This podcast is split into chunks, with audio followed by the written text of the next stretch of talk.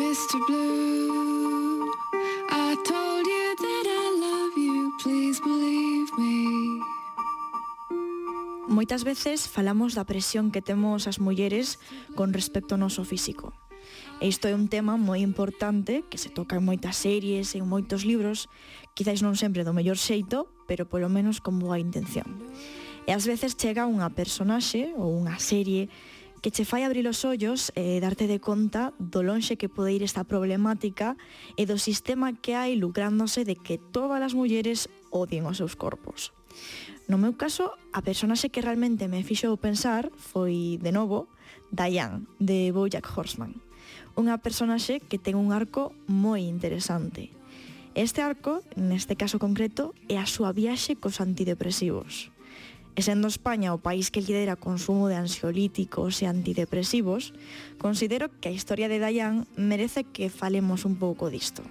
Pero ollo, que eu non me quero meter en por que os tomamos, por que non, que falla no sistema, probablemente haxa alguén que saiba máis camín sobre iso e eh, poida dar as chaves para comprender ben esta problemática. Eu quero falar dun aspecto en concreto eh, que Dayan como unha muller profundamente deprimida que evita a toda custa os antidepresivos por non engordar. E pensaredes, pois vai a parvada, pero non o é. Os antidepresivos teñen pois, efectos secundarios pero un dos máis coñecidos por todos, e especialmente por todas, é que poden provocar unha suba de peso. E que todas saibamos este efecto e non o resto, e que se use como razón para as persoas que necesiten esta medicación non a tomen, pois é unha burrada, vexámolo por onde o vexamos. Por iso, cando o mozo de, de Dayan, na serie, lle recomenda que tome antidepresivos, resultan tan naturais as inseguridades que lle xorden a Dayan.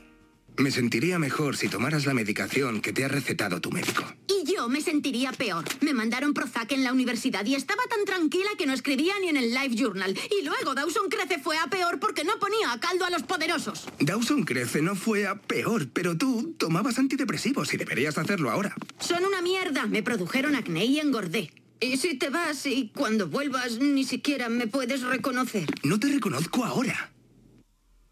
Duro como a vida mesma que poidamos chegar a elixir a depresión antes que engordar ou que teñamos en mente que o no, mesmo noso mozo pode deixarnos en calquera momento se subimos uns números na pesa. Pero seguimos coa viaxerera Yang por estes mundos da medicación. A nosa escritora favorita decide, por todas estas razóns, pois pospoñer a súa toma de pílulas ata que unha das súas amizades máis importantes, que é Bojack, descobre que a súa amiga necesita axuda.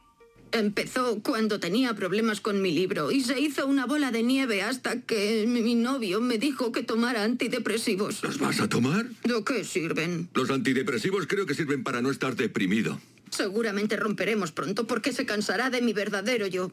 Escucha, hace poco alguien se enfadó mucho conmigo. ¿Enfadarse contigo? No sé, sorprende. Y me dijo, Bojack, todo lo estropeas. Así es como eres. Oh. Y tuvo que decírmelo en alto para que me diera cuenta de que yo fui un estúpido porque durante mucho tiempo lo creí. Me tragué la idea de que yo nunca podría cambiar. De modo que la razón de que viniera a Chicago es darte las gracias por creer en mí cuando yo no creía y por ofrecerme la ayuda que necesitaba. Realmente é iso. Moitas veces pensamos que as nosas enfermidades ou os nosos trastornos son parte de nós, especialmente en casos como depresión ou outro tipo de trastornos de saúde mental. Pero se ben non é unha viaxe doada, sempre hai un túnel de saída. E que importante é ter quen te colla da man e te acompañe no traxecto. Total, que Dayan acaba tomando antidepresivos e efectivamente engorda pero o que me gusta desta serie é que non se fai máis alusións ao seu peso, nin isto volve a ser unha problemática. Ela segue sendo a mesma persoa, cun pouco máis de peso e moito máis contenta. E punto. Nin cambia a súa autoestima, nin é algo que se converte nun eixe central do arco de personaxe. E isto é algo que se agradece un montón. Diane volve a ser a que era cunha excepción, que xa non escribe cousas deprimentes. Comeza a escribir cousas divertidas, menos profundas, que reflicten un pouco o cambio que tamén está a acontecer na súa mente. E isto non lle gusta nada. Porque claro, como escritora entregada, ela quere escribir literatura de peso, ensaios académicos. Porque Dayan é unha personaxe que busca constantemente esa aprobación a través do seu corpo, pero tamén da súa escritura e se ben supera a obsesión do seu físico como método de control, liga constantemente o a imaxe que ten dela mesma a productividade e a súa calidade como autora. Si no escribo mi libro de ensayos ahora, nunca lo haré. ¿Y qué? Pues no escribas ese libro. Tengo que hacerlo. ¿Por qué? Porque si no lo escribo, significaría que todo el daño que he sufrido no ha sido positivo. Solo sería daño. No habría aprendido nada de ello y esos años desgraciados habrían sido en balde. No lo sé, Dayan. Lo único que yo sé es que este libro sobre la niña vigilante es muy divertido.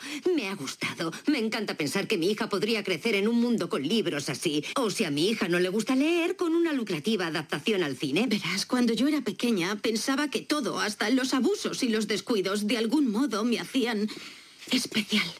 Y si no puedo escribir ese libro, Entonces, Quizá puedas escribir el otro libro. Ao final, Diane aprende que efectivamente cando sofres non ten por que ter un sentido. Que non é certo iso de que todo o que non te mata pois faite máis forte. E que ao final do día é lexítimo buscar a túa calma e felicidade aínda que eso leve consigo que non sexas a mellor escritora de ensaios do país.